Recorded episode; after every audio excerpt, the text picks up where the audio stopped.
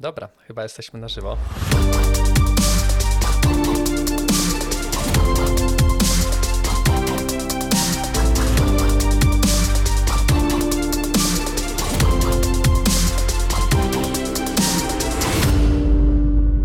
Kilka miesięcy temu prowadziłem e, badania w ramach Trainers Forum, w, którym szuka, w których szukaliśmy odpowiedzi na to, co sprawia, e, że ludzie czują większą satysfakcję z udziału w webinarach. Żyjemy teraz w świecie, w którym tych webinarów jest pełno.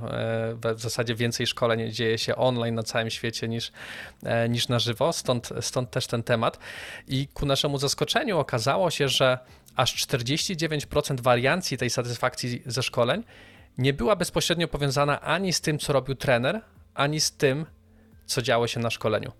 E, I to mnie zainspirowało do tego, żeby trochę porozważać ten temat, właśnie jak dużo tak naprawdę w szkoleniu jest pod naszą kontrolą, jak często my po prostu możemy sobie odpuścić to, że może nie wszystko jesteśmy w stanie e, kontrolować.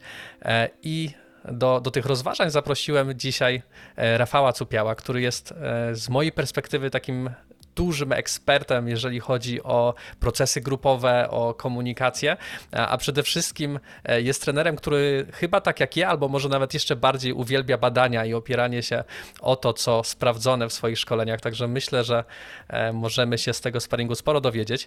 E, Rafał, na początek może właśnie jakbyś mi powiedział może coś więcej o, o Twoim doświadczeniu w tych tematach. Cześć, witam Was bardzo serdecznie. E, nie wiem, czy jestem dużym ekspertem, na pewno jestem wysokim ekspertem, bo mam 2 metry wzrostu.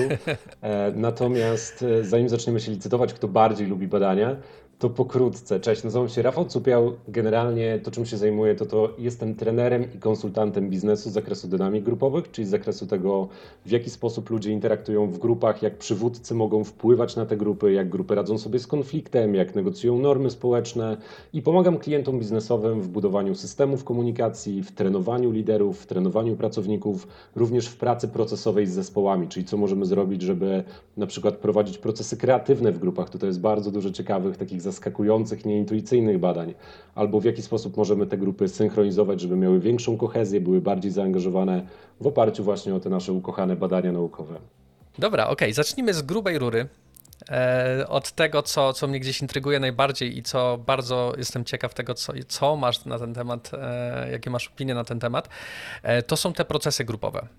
Okazało się w naszym badaniu właśnie, że dużą odpowiedzialność za to, jak się czuli uczestnicy po szkoleniu, e, mieli oni sami i mieli inni uczestnicy na tym szkoleniu. I myślę, że to mocno się wiąże właśnie z procesem zgrupowym, z tym, co się dzieje e, na szkoleniu.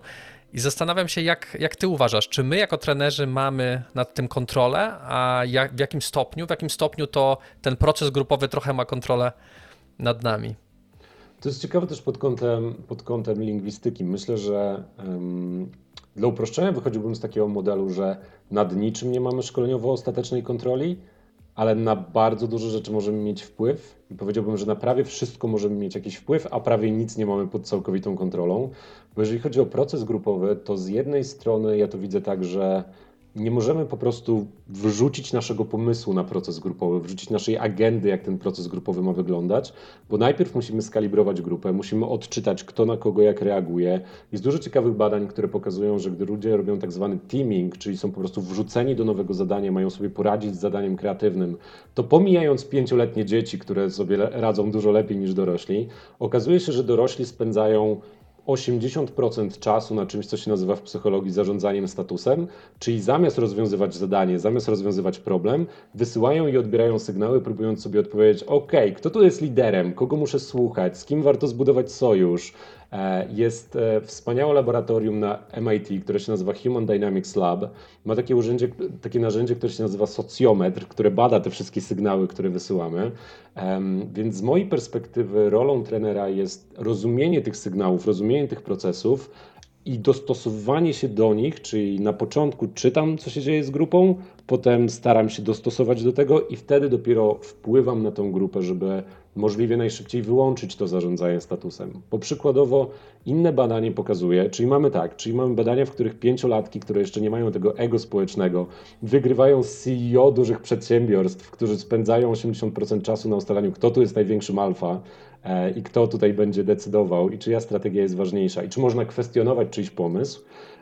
A z drugiej strony mamy ciekawe badania przeprowadzone na Kellogu, które pokazują, że opowiedzenie na początku takiego procesu kompromitującej historii o sobie, jakieś wtopy, takie jakieś gafy, prowadzi do tego, że się wyłącza to zarządzanie statusem i ludzie dużo lepiej radzą sobie z zadaniami kreatywnymi. Czyli co, taką praktyką byłoby, że jak wrzucamy ludzi, którzy się nie znają na szkoleniu do grupy, to powinni zacząć od tego, żeby się podzielić e, czymś żenującym o sobie? Nie, nie, wiem, czy zrobiłbym z tego generalną ideę, bo to też jest kwestia bezpieczeństwa w grupie z mojej perspektywy, więc e, im większe bezpieczeństwo, tym bardziej bym projektował interakcje, w których ludzie się odsłaniają, ale to, co możesz zrobić, jak prowadzisz tą grupę, to z założenia, tak jakby z kontekstu masz większy status, no bo prowadzisz grupę. Trener mówi, co ma nawet w takich mało dyrektywnych formach. Ty mówisz, jaka będzie agenda, ty mówisz, co ludzie robią po kolei, więc mówca, trener, osoba prowadząca ma wyższy status kontekstowo. Więc możesz samemu zrobić żart, w którym śmiejesz się trochę z siebie, opowiadasz jakąś swoją gafę, robisz takie zachowania niskostatusowe od czasu do czasu, w których śmiejesz się ze swoich gaf, żeby pokazać, że to jest bezpieczne społecznie tutaj. Um, tak, bo teraz miałem, miałem, jakąś refleksję poboczną. Nawet jak my się umawialiśmy, żeby na telefon, żeby porozmawiać o tym podcaście, mhm. to zobaczyłem w swojej głowie, że mam zarządzanie wizerunkiem, czyli że pierwszy raz będziemy rozmawiali, więc muszę dobrze wypaść rozmawiając z tobą pierwszy raz. Wiesz, rozgrzeję głos tutaj, powiem co przygotowałem i co opowiedziałem. I ważne jest to, żeby pamiętać, że to jest taki naturalny ludzki instynkt i właśnie e, zaśmianie się z siebie czy zrobienie jakiegoś żartu obniża ten status i wyłącza to. Pozwala zbudować, wiesz, większą kohezję w tej grupie. I właśnie, to tak troszkę mnie to zainspirowało do takiego pytania, bo e, czy to w takim razie jest złe? Bo faktycznie przypominam sobie pierwsze moje szkolenia jako uczestnik, e, w których w ogóle właśnie w tym czasie, kiedy odkryłem, że trenerem w życiu chcę być e, na, na tych szkoleniach. I niemniej te, te ta praca w grupie faktycznie tak wyglądała, że dużo czasu poświęcaliśmy na to, żeby ustalić, jak to będziemy robić, kto będzie prowadził ten proces, według czyjego pomysłu, czy czyjej dyrektywy będziemy to, e, to robić. I o ile na szkoleniu z pracy w zespole jest to, czy ze statusów właśnie będzie to mega cenne, to jak to jest na szkoleniach, w których chcemy po prostu, żeby ludzie przepracowali coś innego? Jak my możemy w inny sposób też może skrócić ten, e, ten czas poza, poza tymi rzeczami, o których już wspomniałeś? Myślę, że to, co pomaga, to wyciągnięcie, stworzenie lingwistyki do tego i wyciągnięcie tych mechanizmów na powierzchnię. Czyli przykładowo opowiadam o tym eksperymencie Petera Skillmana, gdzie ci dorośli przegrywali prawnicy, przegrywali z dzieciakami, próbując zbudować konstrukcję ze spaghetti. E, studenci MBA przegrywali z dzieciakami, żeby pokazać im te procesy, a potem trochę pokazać im je w grupie i też nazywać na bieżąco. E, I próbować wychodzić. Czyli mówię o tych dwóch badaniach, o których powiedziałem teraz, o tym zarządzaniu statusem i o tym odsłanianiu się przed procesem kreatywnym i staram się samemu tym prowadzić jako prowadzący szkolenie, czyli samemu się odsłaniać, tak jak powiedziałem przed chwilą, trochę zaśmiać z siebie, na poziomie niewerbalnym też obserwujesz, jak prowadzisz szkolenie, jak wiesz, jak działają te statusy, czy ktoś za bardzo dominuje. Jeżeli ktoś za bardzo dominuje, to powoduje stres statusowy, inne osoby się blokują, w związku z czym musisz trochę przekierować uwagę na tych uczestników, którzy może są bardziej nieśmiali, trochę podnieść im status poprzez poproszenie ich o opinię albo e, wykaza wykazanie pozytywnej reakcji na to, co powiedzieli.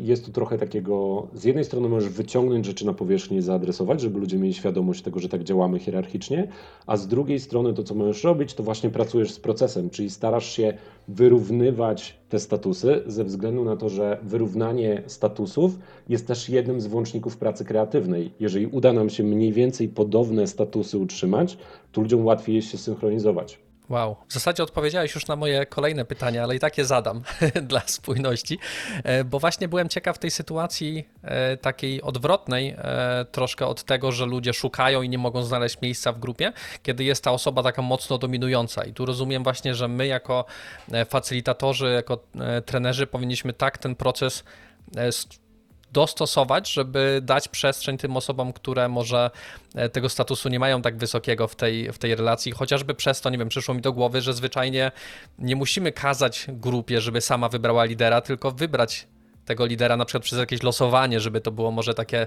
niezbyt sugestywne, że my celowo y, kogoś innego e, wspieramy w tym e, wyjściu przed szereg to no, także tak e, od, od, razu mi w zasadzie na to odpowiedziałeś, jak powiedziałeś o tym zarządzaniu statusami. E, czy coś jeszcze tutaj w tym temacie masz takiego, jakieś asy? To już budując, budując do tego, co powiedziałeś ty przed chwilą, czyli z jednej strony to jest super, żeby losowo wybrać lidera, chyba że losowo trafimy na tą najbardziej dominującą osobę. E, I teraz tak, skojarzyło mi się, skojarzyły mi się do tego jeszcze dwa badania i dwie odpowiedzi do tego, co ty powiedziałeś, więc się generuje strasznie dużo wątków. Ale um, badanie z Kelloga pokazało, że im większa grupa, tym większa dysproporcja czasu konwersacyjnego, czyli w, im, jak rośnie grupa, na przykład wiesz, mamy nagle 4 osoby, 6 osób, 8 osób, to w grupie 8-osobowej 80% czasu konwersacyjnego zajmują dwie osoby z 8 im bardziej grupa rośnie, tym większa jest dysproporcja i więcej czasu zajmuje jakaś taka mała liczba osób, które sygnalizują najwięcej dominacji. Z drugiej strony jest też ciekawe badanie, które pokazuje, że kiedy jest presja, w sytuacjach wysokiej presji, w sytuacjach kryzysowych, kiedy czujemy ten stres związany z tą presją, zamiast uciekać po poradę do osób, które są ekspertami w danej dziedzinie, wywalił się program, wywaliło się coś technologicznego, może powinniśmy poprosić inżyniera albo programistę, żeby to naprawił, albo może powinniśmy uciec do formalnego lidera, żeby nas, nam wskazał jakiegoś eksperta, to mamy tendencję do uciekania do osób, które sygnalizują najwięcej dominacji w zespole, czyli zazwyczaj do najbardziej aroganckich osób. Ewolucyjnie to ma sens, tak? bo to są osoby, które nas ochronią, mają maczugę gdzieś tam, e, silne sojusze i nas ochronią przed wrogim plemieniem. No ale w XXI wieku powinniśmy uciekać do ekspertów, a mamy też ten stereotyp, że często te osoby, które są bardzo analityczne, są bardziej. Um, mają bardziej tryb introwertyczny w pracy, sygnalizują mniej ekstrawerty, często mają mniejszy ekstrawertyzm na Ocean, e, w sensie na Wielkiej Piątce, więc nie są osobami, do których nasza biologia nas, do których nasza biologia nas kieruje. Ale budując na tym, co powiedziałeś, jeszcze, jeszcze dodając jedną rzecz, jest to technika, którą, którą pewnie wielu doświadczonych trenerów zna, to nie jest nic odkrywczego. Możemy po prostu zaangażować tych dominujących uczestników w jakiś sposób, albo rozmawiając z nimi na przerwie, albo rozmawiając z nimi prywatnie, albo w trakcie szkolenia, w to, żeby pomogli tym nieśmiałym uczestnikom stać się liderami. I to można też zrobić bardzo zręcznie, statusowo pod tytułem ej, widzę, że masz dużo kompetencji liderskich, że świetnie wpływasz na grupę, że grupa Ciebie słucha. Zobacz, mam wrażenie, że, mam wrażenie, że, że możemy pomóc razem Jurkowi albo Oli w rozwinięciu tych kompetencji. Czy możesz mi pomóc w tym, żeby im pokazać, żeby im też rozwinąć takie kompetencje, które Ty masz? Więc dajesz komuś agendę i teraz masz kogoś, kto zaczyna być supporterem, zaczyna być wspieraczem tej nieśmiałej osoby.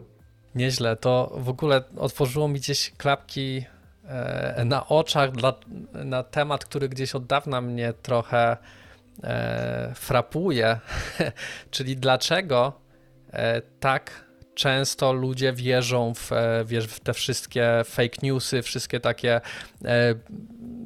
teorie spiskowe, które są wygłaszane w mediach społecznościowych, ale często osoby, które właśnie wygłaszają, mają ten taki wysoki status, są mocno przekonane o swojej, o swojej e, słuszności, e, wypowiadają swoje opinie pewnie, mocno tak dualistycznie, że jest tylko tak, nie ma innej opcji, żeby było inaczej. E, a z kolei naukowcy mówią, że no tak myślimy, tak jest na 90%, nie?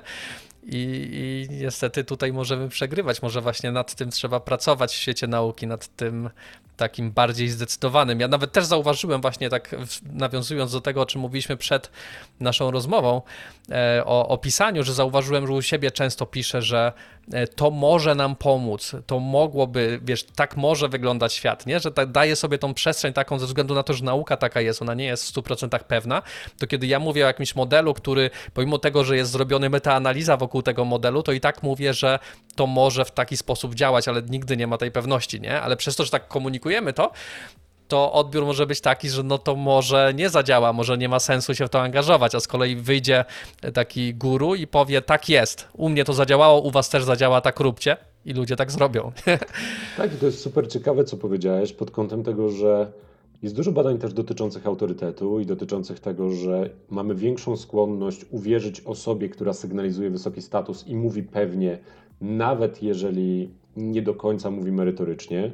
Plus dużo łatwiej z badań dotyczących perswazji, dużo łatwiej jest przekonywać na skontrastowanych ideach, czyli to, co wskazałeś, dobre, złe, działa, nie działa. To jest w ogóle zasada narracyjna komunikowania pitcha, tak? Pokażmy, to jest złe, do tego dążymy, od tego uciekamy.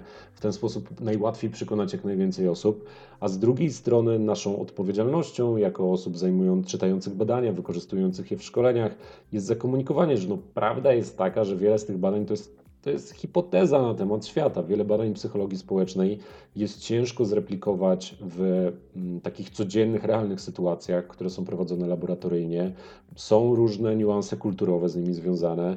E, badania neuronaukowe, które mnie fascynują, są z jednej strony bardzo ciekawe i pokazują nam coraz więcej, ale z drugiej strony mamy więcej niewiadomych dotyczących tego, jak działa mózg, e, niż rzeczy wiemy, więc myślę, że też naszą odpowiedzialnością jest komunikowanie, że ok, to są hipotezy na temat rzeczywistości, to jest nasza aktualna wiedza, która może się zmienić. To, co możemy zrobić, żeby komunikując to na webinarze czy na podcaście, żeby utrzymać ten autorytet, to możemy na poziomie niewerbalnym komunikować wysoki status. Czyli na poziomie merytorycznym możemy mówić, ok, to wynika z badań, to, to może oznaczać, że to jest duże prawdopodobieństwo, że to może tak działać, więc to jest naj, najsensowniej będzie, patrząc racjonalnie, korzystać tak z wyników tego badania, ale komunikujesz to bez, wiesz, drapania się po twarzy, uciekania wzrokiem, tylko po prostu z taką wysokostatusową komunikacją na poziomie ciała. E, I to będzie zwiększało wartość przekazu, który merytorycznie jest sensowny. Super. E, świetna praktyka, którą myślę, że też będę u siebie sprawdzał, bo, bo nawet nie wiem w zasadzie, jak ja prezentuję badania, ale będzie to na pewno ciekawe, żeby przez tą perspektywę to, na to spojrzeć. E, a wracając jeszcze do procesu grupowego, zanim, bo mam jeszcze parę innych takich rzeczy, na które nie mamy wpływu na szkoleniu, tylko jeszcze mnie zastanawia właśnie, jak to jest podejrzewam, że nie zawsze jest tak kolorowo, nie? nie zawsze czasem ten proces będzie łatwy i właśnie o tym też, e, o tym też mówiły nasze badania, że czasem po prostu trafi nam się grupa, w której e, akurat tak, e, nie wiem, tak ludzie, nie wiem jak to powiedzieć, czy czują, czują pewną chemię ze sobą w pewnym sensie, że po prostu mają podobną osobowość, podobne zainteresowania, wywodzą się z podobnej kultury może i od razu gdzieś tam im klika to, w jaki sposób mają funkcjonować, no ale też jest ten może się trafić ta druga sytuacja. I właśnie mnie to ciekawi mocno, jaka taka największa e, trudność u ciebie się pojawiła e, w tych procesach. Coś takiego, co na start nam daje naprawdę duże wyzwanie do zarządzania tym procesem. Hmm. Przychodzą mi, przychodzą mi, i też odwrócę po tym pytaniu, bo będę ciekaw o Twoje anegdoty. Um, czyli, takie, czyli takie trudne sytuacje procesowe, z którymi się zdarzyłem. Doprecyzowuję. Mhm. Okej. Okay. Pamiętam, że kiedyś, już dosyć dawno temu, prowadziłem cykl treningów dotyczących, dotyczących narracji sprzedażowej. Jeszcze wtedy bardziej sprzedażowymi szkoleniami się zajmowałem.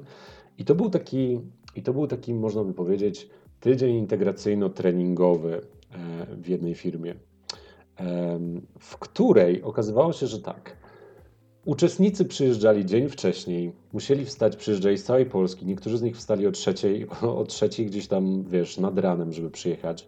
Mieli cały dzień jakichś szkoleń produktowych. To była firma, firma automotive, więc też mieli jazdy, nie jazdy, silniki, nie silniki. No i że się widzą raz na rok, to też mieli integrację wieczorem, która zaczynała się od degustacji whisky, kończyła się ogniskiem i potem ja o dziewiątej rano zaczynałem z warsztatem o storytellingu sprzedażowym, więc miałem osoby, które były absolutnie zmęczone, bardzo zintegrowane ze sobą, ale zupełnie, ale zupełnie nieprzytomne. Jeszcze bardzo często nastawione negatywnie, nastawione, nastawione tak negatywnie do tematu, ze względu na to, że że no nie, była to, nie była to grupa generalnie zainteresowana rozwojem i tak dalej. To byli tacy konkretni sprzedawcy, wiesz, tacy obici, obici rzeczywistością sprzedażową, więc miałem nie lada wyzwanie gimnastykowania się, żeby szybko, wiesz, złapać uwagę tej grupy, e, jakoś sprzedać ten temat, pokazać, że mamy badanie, pokazać, że mamy case'y biznesowe i pamiętam, że szczególnie, że prowadziłem to przez tydzień chyba codziennie, to za każdym razem miałem krople potu na czole.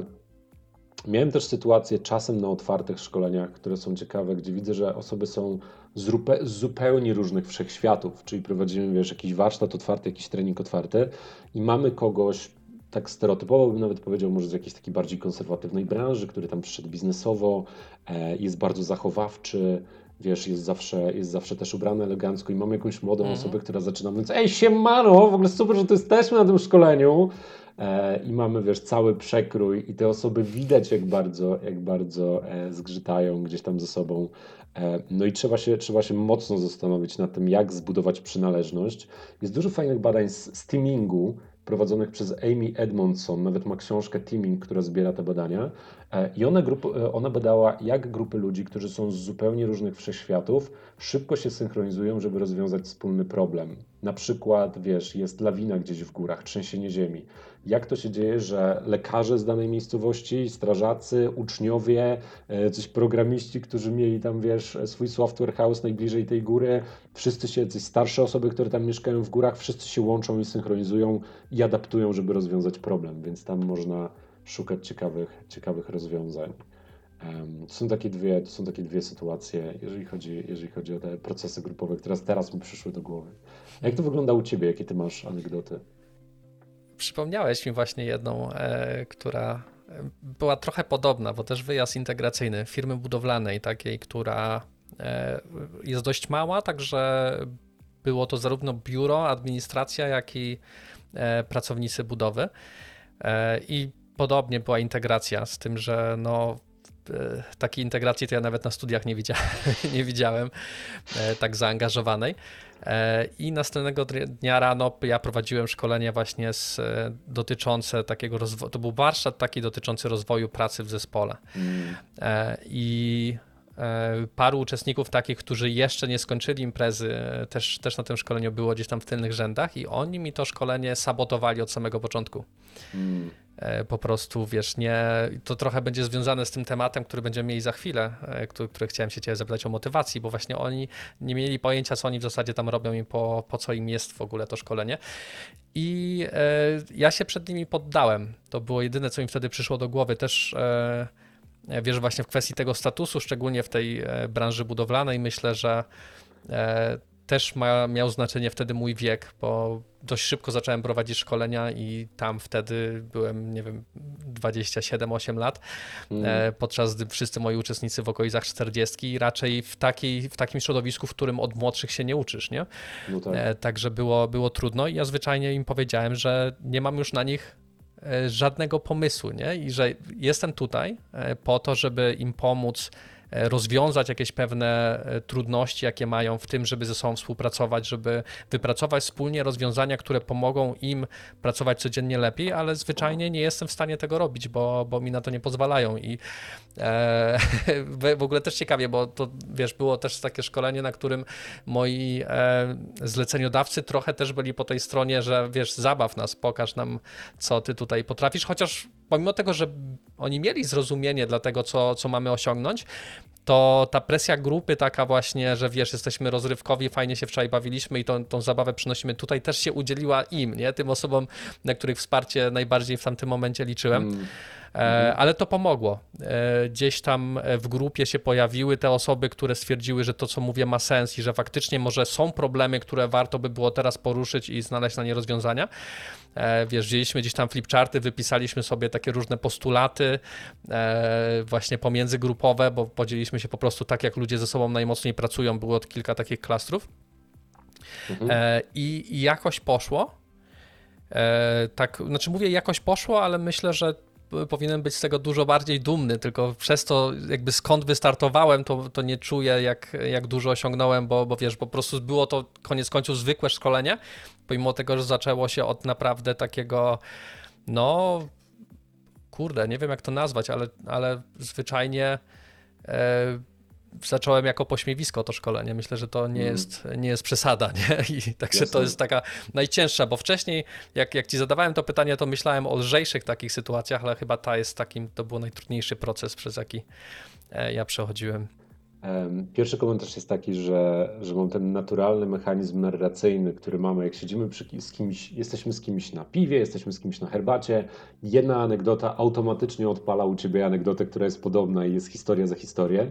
Więc jak zacząłeś opowiadać, to mi włączyła się kategoria szkolenia na wyjazdach integracyjnych, które pewnie wielu z nas trenerów, na, których, na którym się, w którymś momencie swojej kariery musiało przejść albo z którymi musiało się zderzyć.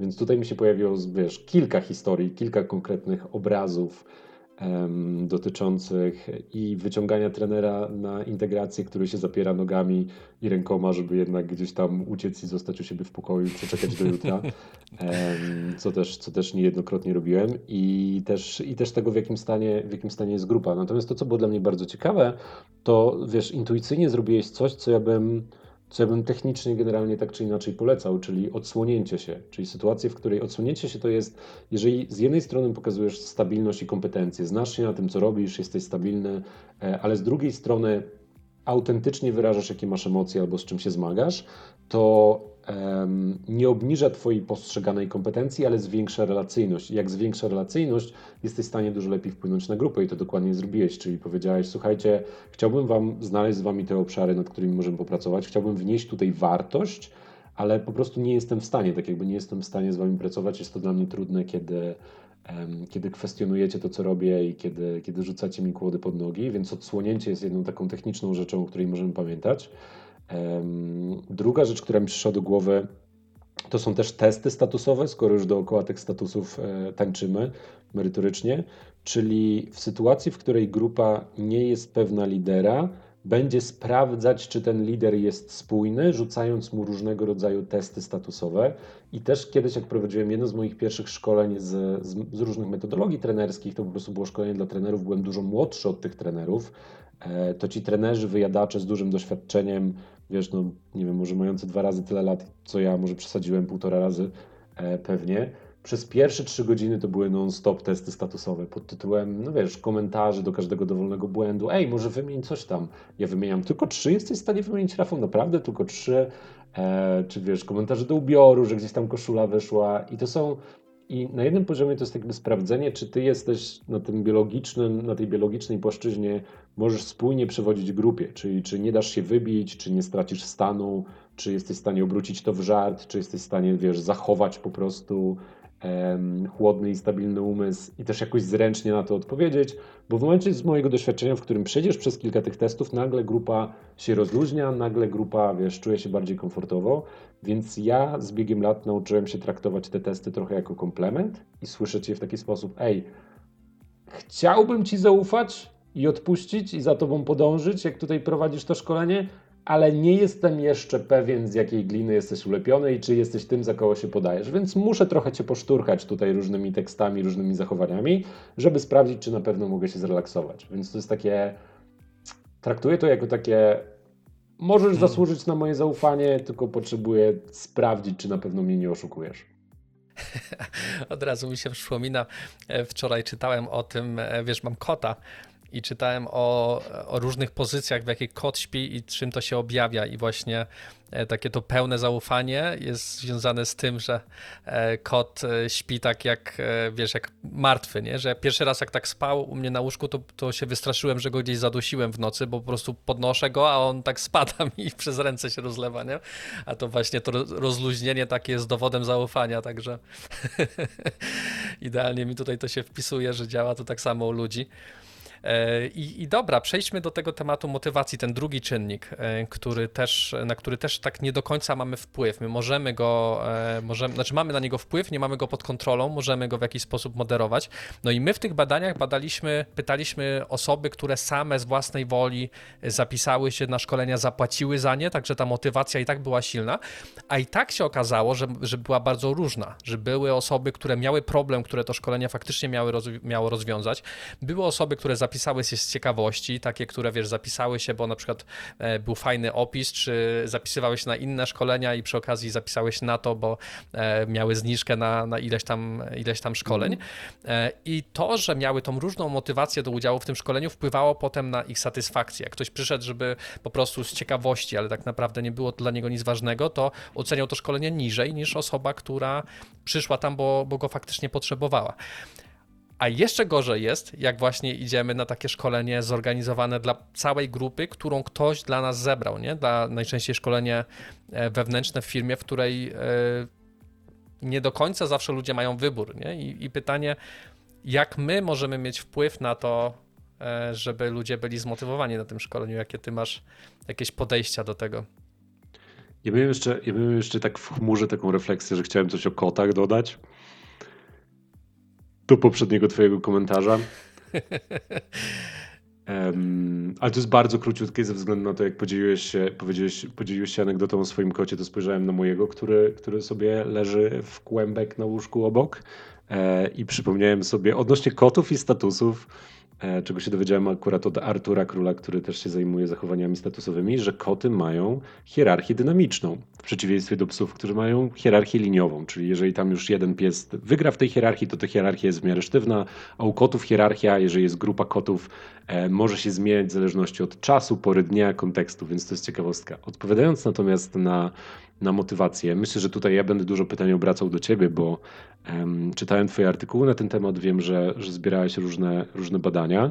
Um, ja to łączę z jednym z naszych kolejnych punktów, które mamy na liście, czyli też z celami szkoleniowymi. Ze względu na to, że z mojej perspektywy, jeżeli mówimy o szkoleniu zamkniętym, to, to w idealnym świecie chciałbym jednak mieć kontakt z każdym uczestnikiem.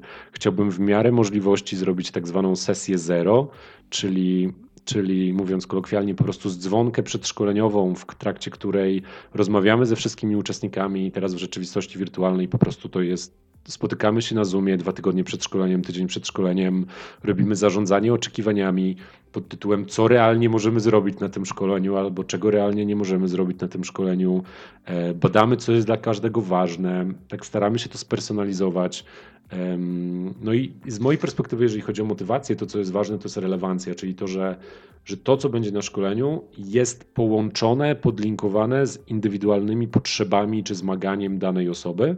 Więc to jest pierwsza rzecz, jeżeli chodzi o motywację, czyli znalezienie tego linku, znalezienie chociaż jakiegoś takiego kontekstu, w którym ona może to najlepiej wykorzystać, z czym ona się najbardziej zmaga. Szczególnie, że moje szkolenia dotyczą komunikacji, pracy w grupie i, i przewodzenia, więc to zazwyczaj będą jakieś rodzaje interakcji, z którymi ta osoba się zmaga, albo rodzaje, rodzaje osobowości. Na przykład trudno jej jest rozmawiać z, z takim rodzajem osobowości, który najczęściej przejawia się, nie wiem, w dziale sprzedaży albo, albo stereotypowo w jakimś dziale designu. To jest punkt pierwszy. Natomiast punkt drugi, staram się też budować stawkę do tych rzeczy, których się uczymy, z, z, perspektywy tego, jak bardzo one ułatwiają przeżycie w świecie społecznym, czyli to, że się uczysz akurat, nie wiem, dawania informacji zwrotnej, jak bardzo ci to ułatwia funkcjonowanie i w twojej relacji um, intymnej i z twojej relacji z przyjaciółmi e, i w przewodzeniu zespołu, czyli, czyli podlinkować możliwie najwięcej kontekstów, w której tej osobie będzie łatwiej, e, jeżeli opanuje tą kompetencję. Bo tak, od, od, razu mi przyszło do głowy właśnie, tak będziemy chyba się wymieniać te, tymi pomysłami, bo, bo, jest ich pełno. Od razu mi przyszło do głowy, jak wspomniałeś o moim artykule na Epale, to faktycznie e, tam pisałem o tych badaniach w Ruma, które gdzieś tam są przykurzone trochę w teoriach motywacji, mhm. okazuje się, że w szkoleniach mają tą szczególną rolę. To to, żeby E, żeby dbać o to, żeby każdy miał na tym szkoleniu coś takiego, co e, będzie dla niego ważne, że będzie widział, że to mu pomoże właśnie w pracy, nie? że będzie udział w szkoleniu wpłynie na taką realną zmianę, nie wiem, niech to będzie nawet awans, nie? czy niech to będzie, że szybciej będzie robił jakieś zadania, niech to będzie, że będzie lepiej się dogadywał w zespole, że musi mieć to coś takiego bardzo konkretnego i tutaj Wrum wygrał z teorią autodeterminacji, tą, mhm. która jest tak popularna w motywacji, wiesz, e, E, czyli dużo ważniejsze dla ludzi na szkoleniach jest to, żeby oni z niego coś wynieśli, niż to, żeby byli wewnętrznie zmotywowani do udziału w tym szkoleniu. Mhm. E, I, I, też e, fajnie, fajna inspiracja, myślałem, wiesz, że wynalazłem te rozmowy z uczestnikami, bo to jest, to jest temat trudny dla E, dla klientów czasem e, mhm. I, I, gdzieś niedawno tak naprawdę zdobyłem odwagę do tego, żeby otwarcie mówić, że raczej nie chcę prowadzić szkoleń, otwarcie mówić, że raczej, tak? Nie mhm. prowadzę szkoleń już, w których, e, w których nie mam możliwości porozmawiania z uczestnikami przed szkoleniem, bo szkoda mojego i ich czasu na to. E, niech to, najlepiej niech to będzie rozmowa w wersji takiej minimalnej, niech to będzie ankieta, ale którą każdy, kto będzie na tej sali e, musi wypełnić, żebym ja chociaż trochę wiedział, czego oni, czego oni potrzebują i myślałem właśnie, że jestem tutaj innowatorem, chociaż oczywiście wiemy, że analiza potrzeb musi być, ale właśnie potem jest zderzenie z, e, z kadrami, które mówią, że no dobra, ale ludzie mają, pracują, nie mają czasu, przyjdą na szkolenie po prostu, nie? I, mm. i gdzieś tam musisz się z tym mierzyć, jak, jak to, co działa na szkoleniach, przekładać na to, na co ci, na co ci twój klient pozwoli. Mhm. Swoją drogą kot mój przyszedł do nas właśnie w gości, chyba usłyszał, że mówiłem o nim. E, I taką, jeszcze taką praktyką z badań, którą, e, którą wyciągnąłem jest, e, chyba o tym też wspomniałeś, o, o tych takich konsekwencjach wdrożenia, ale co ciekawe też konsekwencjach niewdrożenia kiedy rozmawiamy o tych dwóch biegunach, że co, jak będzie wyglądało moje życie, kiedy ja nie będę tego, co, co mam się tutaj nauczyć, wdrażał, e, jakie, jakie straty poniosę, a jakie korzyści, jeżeli, jeżeli to zrobię. I jest, jest sporo badań takich o tym, bo w ogóle transfer szkoleń to jest e, ciekawe, że to jedyne, co badaczy interesuje na temat transferu szkoleń jest badań bez liku, natomiast na temat jakichś takich mniejszych praktyk wewnątrz szkolenia, na temat właśnie statusów, na temat motywacji jest tego mniej, bo, no bo z punktu widzenia biznesu chcemy, żeby szkolenia zwracały się w postaci wdrożeń, ten, ten, ten trzeci poziom Kirkpatricka, najlepiej mhm. czwarty, żeby potem od razu e, były z tego e, korzyści e, dla spółki, nie? Mhm. Także tak to, tak to wygląda u mnie, chociaż właśnie tą trudnością jest to, żeby, że nie zawsze jest na to przestrzeń i, i teraz tą, to manipulowanie tą przestrzenią jest takie wymagające dość. Mhm. W Twoim artykule napisałeś o 30-minutowej e, rozmowie z każdym uczestnikiem, e, więc to, to akurat, gdyby to się udało zrobić, no to jest już, wiesz, to jest rzeczywiście świat docelowy idealny, bo to, no co ja staram się naciskać, E, I wiesz, no też odczułem na własnej skórze konsekwencje, jeżeli czasem było tak, że miałem projekt organizowany przez kogoś innego, na tym projekcie jestem z doskoku, ludzie mieli wyłącznie, wiesz, jakiś gdzieś opis szkolenia i potem się okazuje, że każda osoba ma zupełnie inną wizję szkolenia, zupełnie inne oczekiwania, Ktoś uważa, że to będzie analiza studiów przypadków, ktoś uważa, ktoś myślał, że to będzie po prostu wykładowe takie bardziej, ktoś, ktoś uważał, nawet na poziomie samej formy, ktoś uważał, że to będzie warsztat, ktoś uważał, że to będzie procesowy warsztat. To wiesz, no po takich doświadczeniach, w których trzeba żonglować, e, jakoś to po prostu łączyć, e, dostosowywać się i naginać, to jeszcze bardziej, to jeszcze bardziej mam, mam to silne przekonanie, że ta sesja zero, dzwonienie się naprawdę na godzinę, jeżeli jest taka grupa, że wiesz, 8 osób, 10 osób, wymienienie się tym, jakie ktoś ma potrzeby, nawet indywidualnie popisanie z ludźmi maili, bo maile przynajmniej pozwalają na tą asynchroniczność, że każdy sobie może przemyśleć, odpisać w swoim czasie, na swojej linii czasu i zebrać te najważniejsze rzeczy i też zarządzić oczekiwaniami, bo tutaj poboczny temat z mojej perspektywy to jest zarządzanie oczekiwaniami, bo miałem taką, miałem taką refleksję, patrząc mhm. na niektóre oferty szkoleń, że tam jest wrzucone, że są naprawdę aspiracyjne cele wrzucone. I sam pewnie też, i sam na pewno też, też pisząc oferty, e, popełniałem ten błąd pod kątem, wiesz, no, im więcej wyrzucisz w korzyści ze szkolenia, tym bardziej przekonasz do szkolenia, gdzie prawda jest taka, że to, co jest ważne, to jest zarządzanie oczekiwaniami i porozmawianie o tym, ok, e, co naprawdę jesteśmy w stanie zrealizować w trakcie czterech sesji trzygodzinnych albo w trakcie dwóch dni szkoleniowych, a czego nie jesteśmy w stanie zrealizować. E, I takie jasne ustalenie tego, takie uczciwe ustalenie tego, wiesz, z uczestnikami na początku. Poruszyłeś taki temat, który e, w tych badaniach, które prowadziliśmy, był dla nas zaskakujący dość e, ze względu na swoją wagę. Na to nie, nie, nie uwzględniliśmy go w ogóle w badaniach ilościowych, tylko w tych ankietach, bo to ponad 500 osób nam wypełniło ankietę i oprócz takiej ilościowej oceny wielu aspektów szkoleń, pisali też komentarze i bardzo dużo osób mówiło o tym, że szkolenie było niezgodne z opisem, albo mm. spodziewali się czegoś innego po opisie. I teraz właśnie będziemy robić takie badanie e, kolejne, właśnie jak ludzie e, te opisy postrzegają, jak pisać dobre opisy, które jasno przedstawiają, co na tym szkoleniu będzie, bo okazuje się, że jest to mega problematyczne i, i wiesz, mm -hmm. i E, no też tak robię, nie? Też, też piszę językiem korzyści, w którym, e, nie wiem, mam trzygodzinne szkolenie z e, wyszukiwania badań i mówię o tym, że nauczysz się wyszukiwać badania i w pewnym sensie jest to prawda, ale z drugiej strony też na pewno nie będziesz ekspertem po tym, nie? I, tak. i warto to mhm. gdzieś tam precyzować chyba, chociaż kurczę jest to dla mnie temat taki nowy. Nigdy na to nie zwracałem uwagi, a uczestnicy zwracają na to uwagę bardzo i pamiętają mhm. w ogóle, pomimo tego, że zapisali się miesiąc wcześniej na szkolenie, pamiętają, mhm. czego się po nim spodziewali, czytając opis. Mhm. Tutaj też, tutaj w ogóle trzy rzeczy mi się pojawiły. Pierwsza rzecz to jest taka, że też są różnice preferencyjne uczestników, bo miałem doświadczenia, w których ktoś nie przeczytał opisu. On po prostu widział jakiś wpis gdzieś na LinkedInie i zapisał się na szkolenie albo chwilę słuchał webinaru i to mu wystarczyło. Więc są na pewno osoby, z którymi po prostu rezonujesz jako trener i które chcą się zapisać na szkolenie. Są osoby, które rozłożą na części pierwsze ofertę, przeczytają trzy razy i zrobią do niej notatki i mają każdy punkt rozpisany. No ale koniec końców ludzie przychodzą na szkolenie przeczytawszy opis, więc powinni dostać to, co jest w tym opisie. Więc miałem też podobną refleksję, żeby, żeby pod kątem korzystania ze słów zamiast pisać nauczysz się budować ekspercki autorytet za pomocą sygnałów statusowych, napisać, że opanowanie, poznanie w ogóle tych zachowań statusowych pomoże ci budować autorytet, co jest prawdziwe. No, jeżeli je opanujesz, to, to będzie ci dużo łatwiej budować ten autorytet, ale nigdy nie mamy pewności, czy dana osoba się na 100% nauczy, no bo to jest znowu temat naszego dzisiejszego podcastu, jakie rzeczy um, w procesie treningowym są poza naszą kontrolą.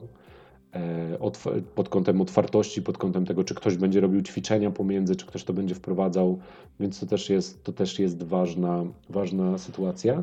I jeszcze jedna rzecz, która też pobocznie gdzieś mi przyszła. Czasem jest tak, i też, i też wiesz, no miałem, miałem, kiedyś się powiedzmy na to naciąłem, więc teraz bardzo dużą uwagę na to zwracam.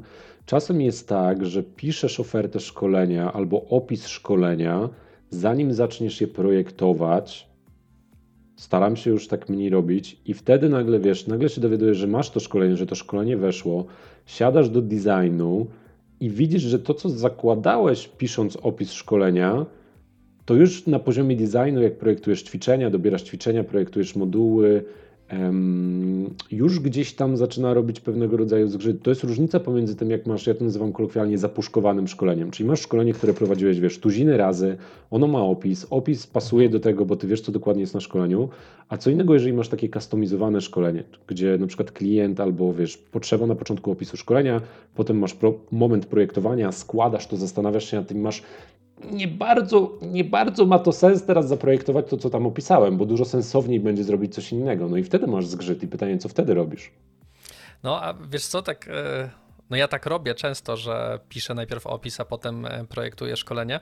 No tak. E, trochę z innego powodu niż, niż gdzieś tam niefrasobliwość, tylko bardziej z tego, że jest potem ta analiza potrzeb. E, na mojej stronie jest napisane, że nigdy nie robię dwa razy tego samego szkolenia i to jest, e, to jest u mnie dość duża wartość, że właśnie zawsze coś nowego dodaję, coś zmieniam, coś nowego się nauczyłem w tym temacie, bo też jak odgrzewam jakiś temat, którego nie prowadziłem tam, nie wiem, miesiąc, dwa miesiące, to zawsze szukam aktualnych badań, czegoś nowego, o czym mógłbym powiedzieć.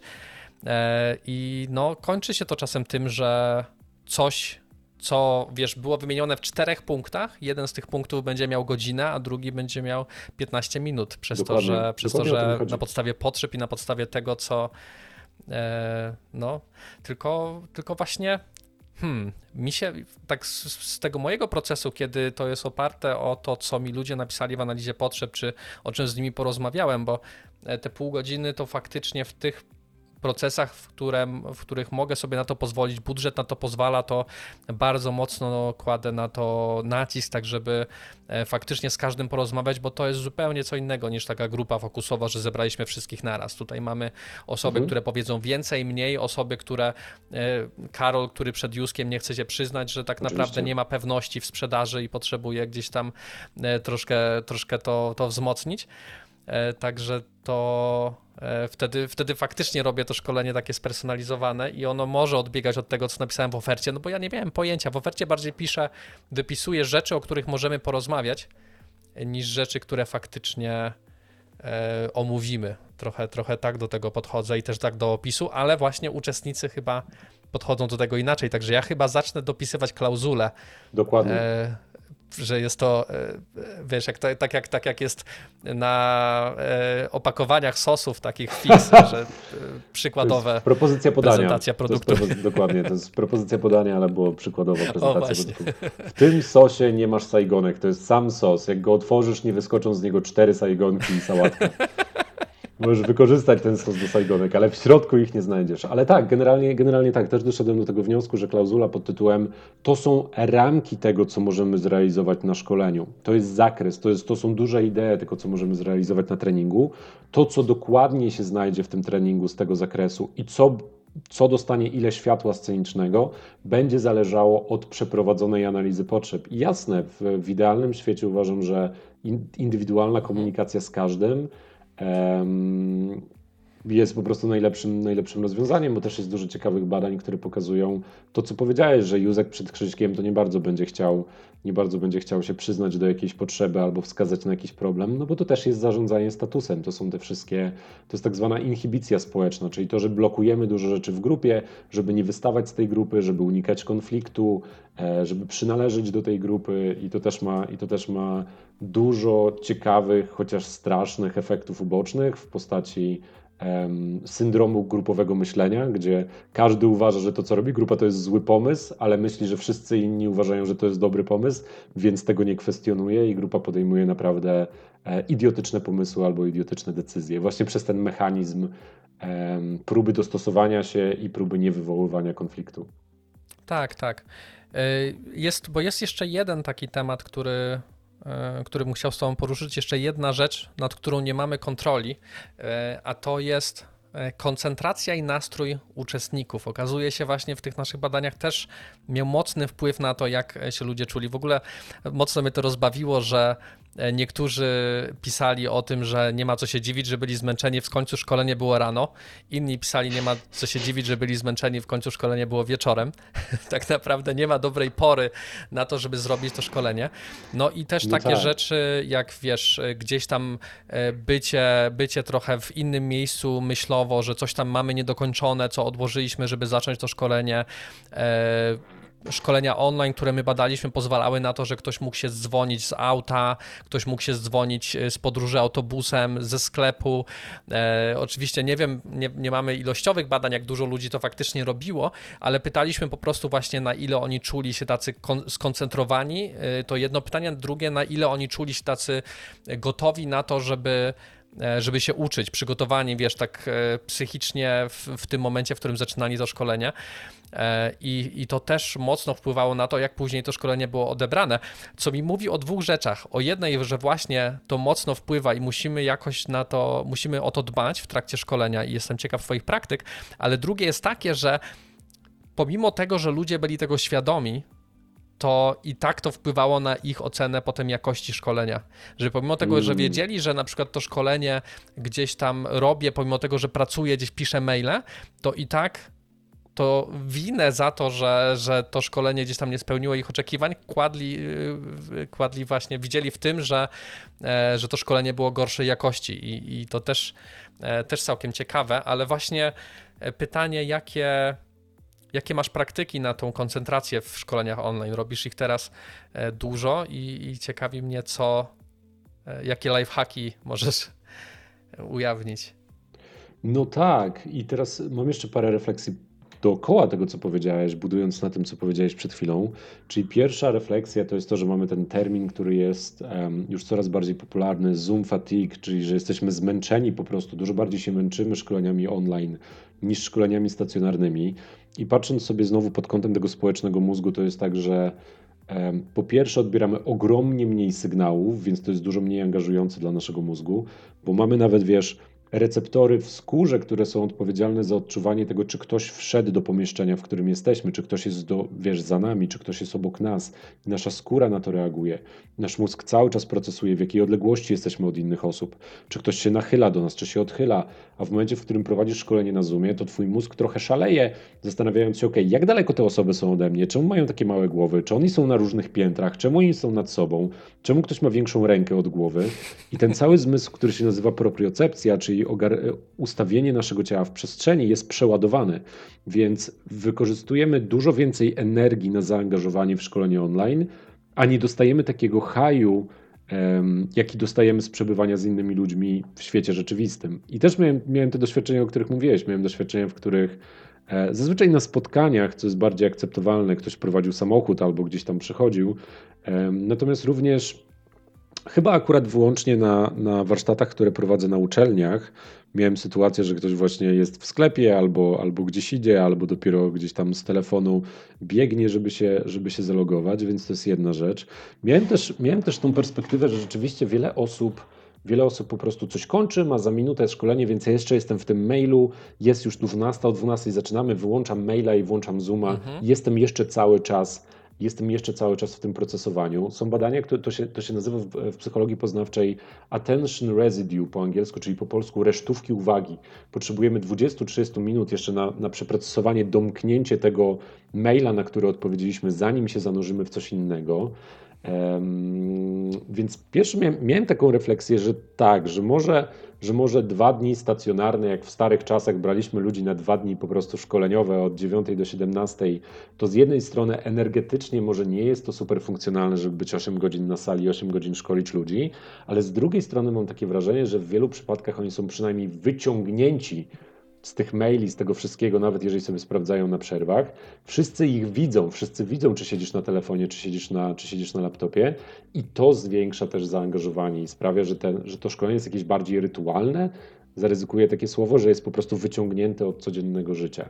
Um, no i teraz pytanie z tymi zmaganiami, zmaganiami, jak sobie radzę, jak sobie radzimy. Pierwszy element to jest kontrakt, czyli na samym początku mówię, słuchajcie, jeżeli spojrzymy sobie na badania, e, szkolenia online są wyczerpujące, Jednym z głównych włączników synchronizacji grupowej jest wspólnie zaangażowana uwaga, czyli to, co musimy zrobić, to musimy wszyscy się zgodzić na to w kontrakcie, że nadangażujemy uwagę. Wyłącz wszystkie dystraktory, wycisz telefon, wyłącz inne karty i rób wszystko. Na tobie jest odpowiedzialność, żebyś był zaangażowany, bo każda niezaangażowana osoba, jeżeli widzisz, że ktoś zaczyna rozmawiać przez telefon albo gdzieś tam surfuje na internecie, nie włączył kamerki, to ty dostajesz negatywny dowód społeczny, że nie trzeba słuchać i się wyłączasz i ktoś widzi, że ty się wyłączyłeś i leci takie domino po prostu. Więc weźmy odpowiedzialność na każdego z nas, żeby podbijać mhm. zaangażowanie, żeby podbijać uwagę. Dorota, która ze mną współpracuje, która, która jest project managerem, ale też pomaga w przygotowaniu materiałów, w przygotowaniu szkoleń, też wymyśliła taki pomysł, żeby wysyłać ludziom taki, taką po prostu taki dokument, jaką mamy tutaj w ogóle, wiesz, jakie zasady proste na szkoleniu online pomogą Ci utrzymać uwagę. I to są naprawdę proste rzeczy pod tytułem wyłącz inne rzeczy, spraw, żebyś miał dobre, jeżeli będą włączone, przygotuj się do tego, że możesz mieć włączoną kamerę, um, nie obciążaj swojego internetu, wycisz, czyli takie proste, oczywiste rzeczy, ale jeżeli dajesz ludziom checklistę, to też zwiększa, zwiększa szansę, szansę na to, że jej wykorzystają. E, I z perspektywy tego, za czym podąża uwaga, to też ciekawe, co powiedziałeś, że niektóre osoby powiedziały, no jak ja mam być pełen energii rano, a inne powiedziały, jak mam być pełen energii wieczorem. E, więc może to jest też kwestia chronotypów, czyli tego, że ludzie naturalnie wysypiają się i regenerują w innych godzinach, zależnie, zależnie od swojego uwarunkowania genetycznego. To, co jeszcze bym zrobił poza kontraktem i rekontraktingiem, czyli wracaniem, ej, słuchajcie, jesteśmy znużeni, pamiętamy o tym, że szkolenia online są nużące, co robimy, nadangażujemy się. Są ciekawe ćwiczenia impro, które, które pozwalają ludziom, w takie po prostu energizery, które pozwalają ludziom szybciej się synchronizować, które się opierają na tym, żeby trzymali uwagę na sobie nawzajem, albo nawet wykorzystują ruch przy tym, przy tym że jest Zoom. I trzecia rzecz jest taka, że staram się możliwie najwięcej korzystać tłumacząc rzeczy, opisując rzeczy z narracji. Jest dużo ciekawych badań pokazujących, jak narracja, czyli wiesz, metafory, język, który obejmuje obrazy, techniki narracyjne, które są w książkach, czyli wprowadzenie konfliktu, intrygi, zaskoczenie, te wszystkie rzeczy łapią naszą uwagę, więc staram się też wkomponowywać te włączniki uwagi. Są rzeczy, na które naturalnie trzymamy uwagę, tak? Kłótnia, konflikt społeczny, dynamiczna zmiana, ryzyko. E, ktoś musi podjąć trudną decyzję, więc jeżeli przeplatasz ten warsztat tymi narracyjnymi rzeczami, to też przynajmniej dbasz o to, że podbijasz tą uwagę uczestnikom. Zainspirowałeś mnie takiego e, ćwiczenia, e, które można by było na szkoleniu wprowadzić. E, takie, moglibyśmy zrobić takie szkolenie, takie ćwiczenie na szkoleniu, w którym wszyscy się widzą nawzajem. Kojarzę, robiłem takie ćwiczenia, jak jeszcze się spotykaliśmy dawno temu na salach szkoleniowych, szczególnie właśnie z młodzieżą. E, gdzie masz naśladować kogoś. Wybierasz sobie osobę, którą, e, którą w jakiś sposób naśladujesz. Tam akurat w tym, w tym ćwiczeniu to działało inaczej, ale tutaj tak moglibyśmy to zrobić i po prostu każdy ma jakąś osobę, nie wiadomo kogo. Mm. I teraz w dowolnym momencie, w którym ktoś robi jakiś ruch, nagle na Zoomie się robi cała fala tak. e, takiego ruchu, który po prostu każdy po kolei gdzieś tam, gdzieś tam wykonuje. Myślę, że to by mogło być całkiem, e, całkiem zabawne. E, I, i, I, chyba proste i szybkie, bo właśnie mam problem na takie energizery. E, ostatnio zacząłem korzystać z takiego narzędzia, w którym e, są takie minutowe jogi właśnie, żeby wstać się, porozciągać mm. od czasu do czasu i po prostu odpalasz, włączasz minutowy filmik i każdy sobie ćwiczy we własnym zakresie, częste przerwy. I no i ta, to złapanie złapanie ludzi na, na tej odpowiedzialności za proces, na to, że będzie trudno, ale razem damy radę. Myślę, że to jest. Mhm. E, to trochę wraca też do tego, co, co robiłem na tym szkoleniu e, dla budowlańców, nie? że po prostu mhm. no ja sam nie dam rady bez was. Musimy to zrobić razem, jeżeli, jeżeli chcemy, żeby to szkolenie nam dało jakąś, jakąś korzyść. E, kojarzy też mi się właśnie z, z tego Zoom Fatigue. Czytałem o tym jakieś badania niedawno, ale to było coś takiego jeszcze nieopublikowanego, właśnie, że wyłączenie tego widoku na siebie też pomaga. W momencie, mhm. kiedy widzisz tylko rozmówców, ale nie widzisz siebie samego, to też jest e, łatwiejsze. E, mniej musimy kontrolować, nie musimy patrzeć, jak wyglądamy, czy przypadkiem krzywo nie stoimy, czy. E, no dokładnie tak samo jak na zwykłym szkoleniu. Przecież też nie zwracamy uwagi aż tak mocno na to, co robimy sami. A mhm. tutaj przez to, że widzimy siebie, to też, też może utrudniać. Tak patrzę sobie na czas i pomyślałem o tym, bo jeszcze mam dwa tematy i chciałbym e, tutaj e, tylko o nich wspomnieć, żebyśmy mieli komplet tych takich czynników, które wyłoniliśmy w badaniach, ale jednocześnie e, zostawić Tobie do wyboru na który byś chciał powiedzieć coś więcej, bo jeden, jeden z nich to jest to takie nastawienie na rozwój. Carol Dweck badała growth mindset, ale nie tylko, mhm. bo mamy też ogólną otwartość jako element osobowości i, i, i wszelkie takie postawy, które utrudniają to, e, żeby ktoś chciał się uczyć po prostu, bo ja nie potrafię, bo to nie dla mnie, bo, e, bo już jestem za stary i tak dalej, i tak dalej. Mnóstwo takich e, trudności, które uczący się mają, a, a my nie do końca mamy na nie wpływ przez, to, przez ten ograniczony czas. A drugi temat to jest to, co uczestnik robi po szkoleniu. O ile my możemy projektować jakieś działania takie follow-up, możemy e, wspierać, zachęcać menedżerów do tego, żeby oni też dawali jakieś zadania, dawali przestrzeń do tego, żeby wdrażać te kompetencje e, w pracy, no to w praktyce e, przerzuciliśmy nie, się nie wiadomo kiedy do pracy zdalnej, w mhm. której mamy dużo więcej jako pracownicy odpowiedzialności za to, co robimy, jak robimy, kiedy robimy. Nikt nas nie kontroluje, nikt nie patrzy nam na ręce, a przynajmniej nie w takim stopniu, w jakim, w jakim dzieje się to w biurze, kiedy po prostu głupio jest w środku dnia odpalić odpalić sobie serial, e, to, to też tak samo trudniej jest zadbać o to, żeby uczestnik po szkoleniu coś z sobą zrobił. No i w ogóle jeszcze gorzej jest, jak się połączą te dwie rzeczy, że ktoś ma takie postawy, e, że, że trudno mu jest się uczyć, trudno mu jest wprowadzić jakąkolwiek zmianę, no i jest sam sobie zostawiony po szkoleniu, e, żeby, żeby tą wiedzę wdrożyć. I, i właśnie ciekawi mnie, co ty myślisz o tych tematach i właśnie który z nich może jest takim, który w którym coś nowego niedawno odkryłeś? Hmm. Ja myślę, że myślę, że bym zostawił learning mindset i te ograniczenia wynikające z postaw do nauki ze względu na to, że to jest duży, trudny temat i tutaj musielibyśmy i tutaj musielibyśmy chyba sporo na nim przysiąść, żeby zastanowić się, czy jest jakaś szansa, wiesz, zrobienia krótkich interwencji, zadbania o to. E, I to jest na tyle też ważny temat, że może to jest temat na wiesz, na kolejny podcast. Więc zakładam, że mamy jakieś 10 minut, tak? Czyli możemy poruszyć jeszcze jeden punkt. Mniej więcej tak. Dobrze. Więc ja chyba bym, ja chyba bym, myślę, że będzie łatwiej w tym czasie poruszyć ten punkt e, drugi, czyli to, co można zrobić, żeby ludzie byli odpowiedzialni za pracę. E, w sensie za pracę poszkoleniową, za wdrożenie, za pracę z tym wszystkim. No bo przecież rzeczywiście nie będziemy dzwonili do każdego uczestnika szkolenia codziennie, nawet na 15 minut, sprawdzać, czy on zrobił zadania i jakie ma jakie ma zmagania aktualne. Natomiast wydaje mi się, jak ja swojego czasu siedziałem w różnych badaniach dotyczących siły woli, motywacji czy determinacji do, do też wiesz, rozwoju, ćwiczenia, utrzymywania praktyki, to możliwe, że też mam po prostu filtr i głównie takie badania wyłapuję.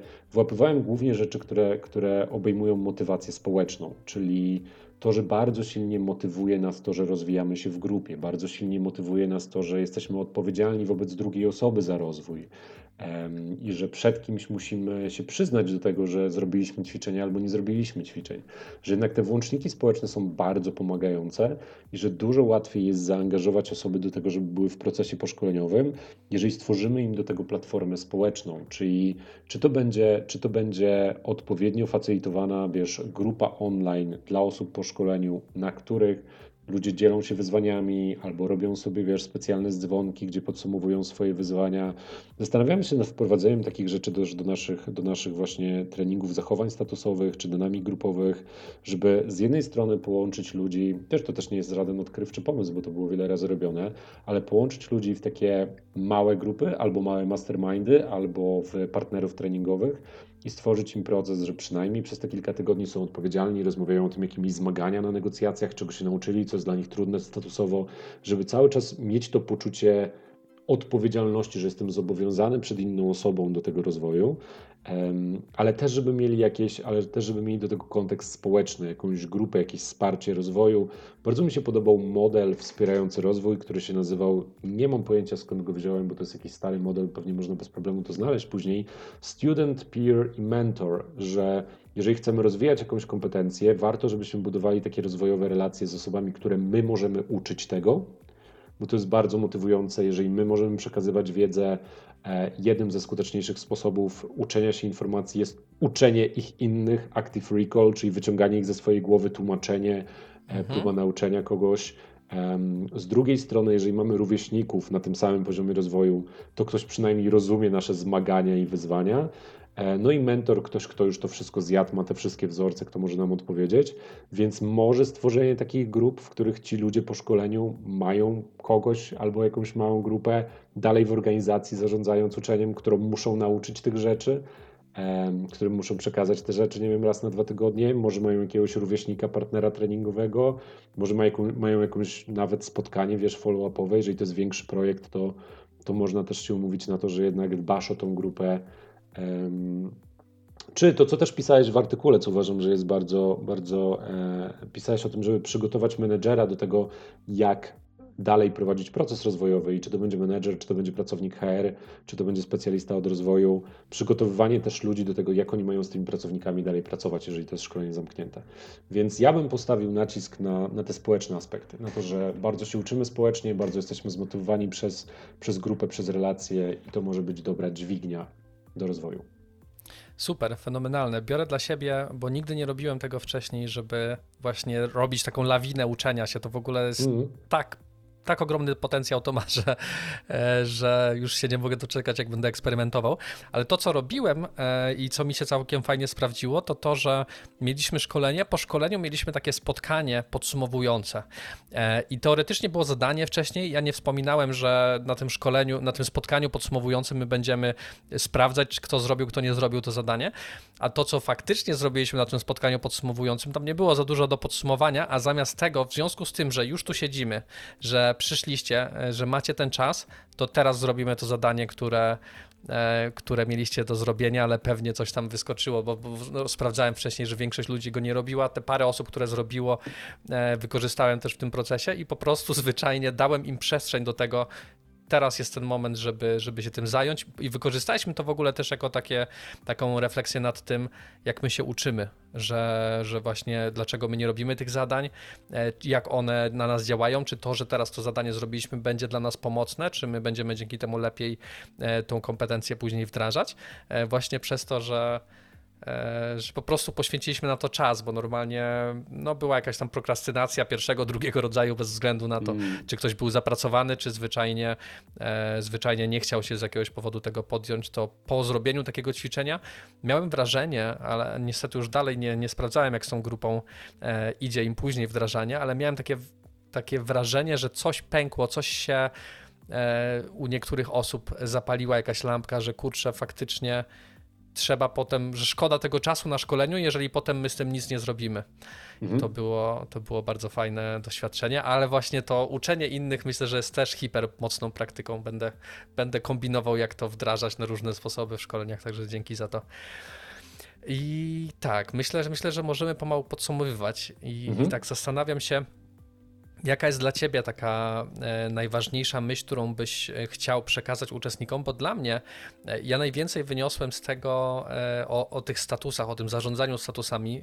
Otworzyłeś mi w ogóle przestrzeń do tego, jak wiele w tym temacie się kryje, bo to jest coś takiego, o czym ja dopiero zaczynam, zaczynam się uczyć, zaczynam się tym interesować, a wygląda na to, że no, można bardzo dużo zmienić na szkoleniu, bardzo dużo, na bardzo wiele rzeczy wpłynąć, bardzo wiele rzeczy wyjaśnić, kiedy my rozumiemy te interakcje. Mam wrażenie, że szukałem właśnie kiedyś nowego, aktualnego modelu procesów grupowych, mhm. e, takiego, który by tłumaczył to, czego Takman nie był w stanie wytłumaczyć i wydaje mi się, że w tych badaniach właśnie będzie odpowiedź na to. To nie będzie może jeden model, to będzie wiele sytuacji, wiele, wiele zachowań, e, ale, ale bardzo Ci jestem wdzięczny za to.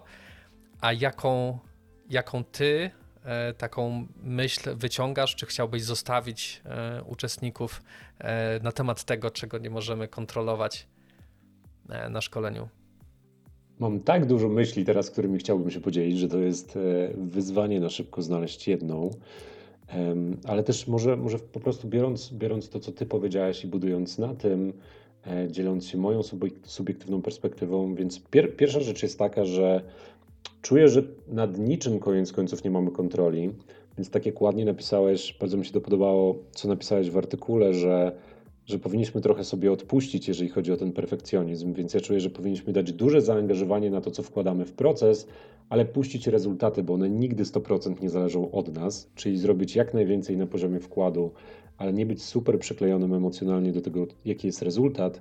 I moja duża idea, taka, która dla mnie jest ważna, to jest to, że jeżeli chodzi o to, co się dzieje na szkoleniu, to bardzo dużo rzeczy się dzieje na tym poziomie społecznym, którego nawet nie zauważamy, który jest trochę pod tą płaszczyzną interakcji. Że jeżeli sobie spojrzymy na tą neuronaukę społeczną, to tam jest taka teza, że, że nasz system nerwowy, oceniając kontekst, nie zastanawia się najpierw nad tym, czego merytorycznie się uczy, czy nowego języku programowania, czy powinien zainwestować w ten startup, e, czy co zrobić z tym, że mamy słabe wyniki marketingowe. On potrzebuje na początku ustalić, czy tutaj jest bezpiecznie, czy to jest miejsce, z którego powinienem uciekać? Czy to jest miejsce, w którym mogę czuć się bezpiecznie? Jaki jest kontekst społeczny? Czyli czy to są moi sojusznicy? Czy ja mogę tym ludziom zaufać? Czy mogę się odsłonić? Czy będziemy razem współpracować? A dopiero w, w momencie, w którym są te dwa checkboxy odhaczone, czyli tu jest bezpiecznie, to jest moje plemię, mamy przestrzeń do tego, żeby poświęcić nasze zasoby na, na rozwiązywanie problemów, czyli naprawdę na naukę i nauczenie się. Więc ja bym ja bym zostawił osoby, które prowadzą szkolenia z tą wiedzą, żeby najpierw zadbać o psychologiczne bezpieczeństwo w grupach, które prowadzimy i też polecam bardzo badania Amy Edmondson, która to wszystko zbiera.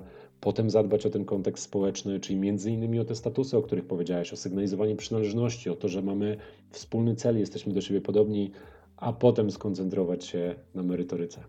Hmm. Wow. No, jeszcze, jeszcze bym dopytał, jeszcze jest trochę rzeczy takich, które, e, które myślę, że trzeba było poruszyć. Mam nadzieję, że to nie jest e, nasz ostatnie, nasze ostatnie spotkanie, bo coś czuję, że właśnie możemy jeszcze parę fajnych tematów poruszyć, nawet tych, które się gdzieś tu pojawiły, pomijając inne jakieś działania, które, e, które robisz. Powiedz mi, jakby ktoś chciał, w tym ja, więcej Twojej twórczości, Twoich myśli gdzieś, gdzieś znaleźć w internecie, to gdzie Cię możemy szukać? Najlepszym miejscem do znalezienia mnie w tym momencie jest LinkedIn. E, nazywam się Rafał Cupiał. Jak tam się wpisze Rafał Cupiał, to, to pewnie wyskoczę. E, gdzieś, gdzieś nie ma za dużo chyba Rafałów Cupiałów na LinkedInie, więc tam wrzucam wszystkie aktualne rzeczy, informacje o nagranych podcastach, materiały. Regularnie piszę wpisy na temat dynamik grupowych, na temat e, tego, w jaki sposób lepiej wpływać na grupy, lepiej przewodzić. Jest też strona rafałcupiał.pl która od zawsze i zawsze chyba będzie przebudowywana, ale jeżeli chcecie być w kontakcie, to zapraszam, zapraszam na LinkedIna, zapraszam do obserwowania na LinkedInie, zapraszam do pisania też do mnie na LinkedInie, bo staram się na wszystko odpowiadać i te tematy mnie bardzo fascynują i bardzo lubię o nich pisać. Mega, super. Bardzo Ci dziękuję za tą rozmowę. E, I słuchaczy wszystkich zachęcam do tego, żeby e, słuchali kolejnych podcastów EPALE, w, którym, w których ambasadorzy dzielą się swoimi spostrzeżeniami na temat edukacji e, dorosłych. I co? To chyba, to chyba tyle. Dzięki, Dzięki wielkie. A naszych słuchaczy zapraszam do słuchania kolejnych podcastów EPALE, w których ambasadorzy dzielą się swoimi przemyśleniami na temat edukacji dorosłych. Do usłyszenia.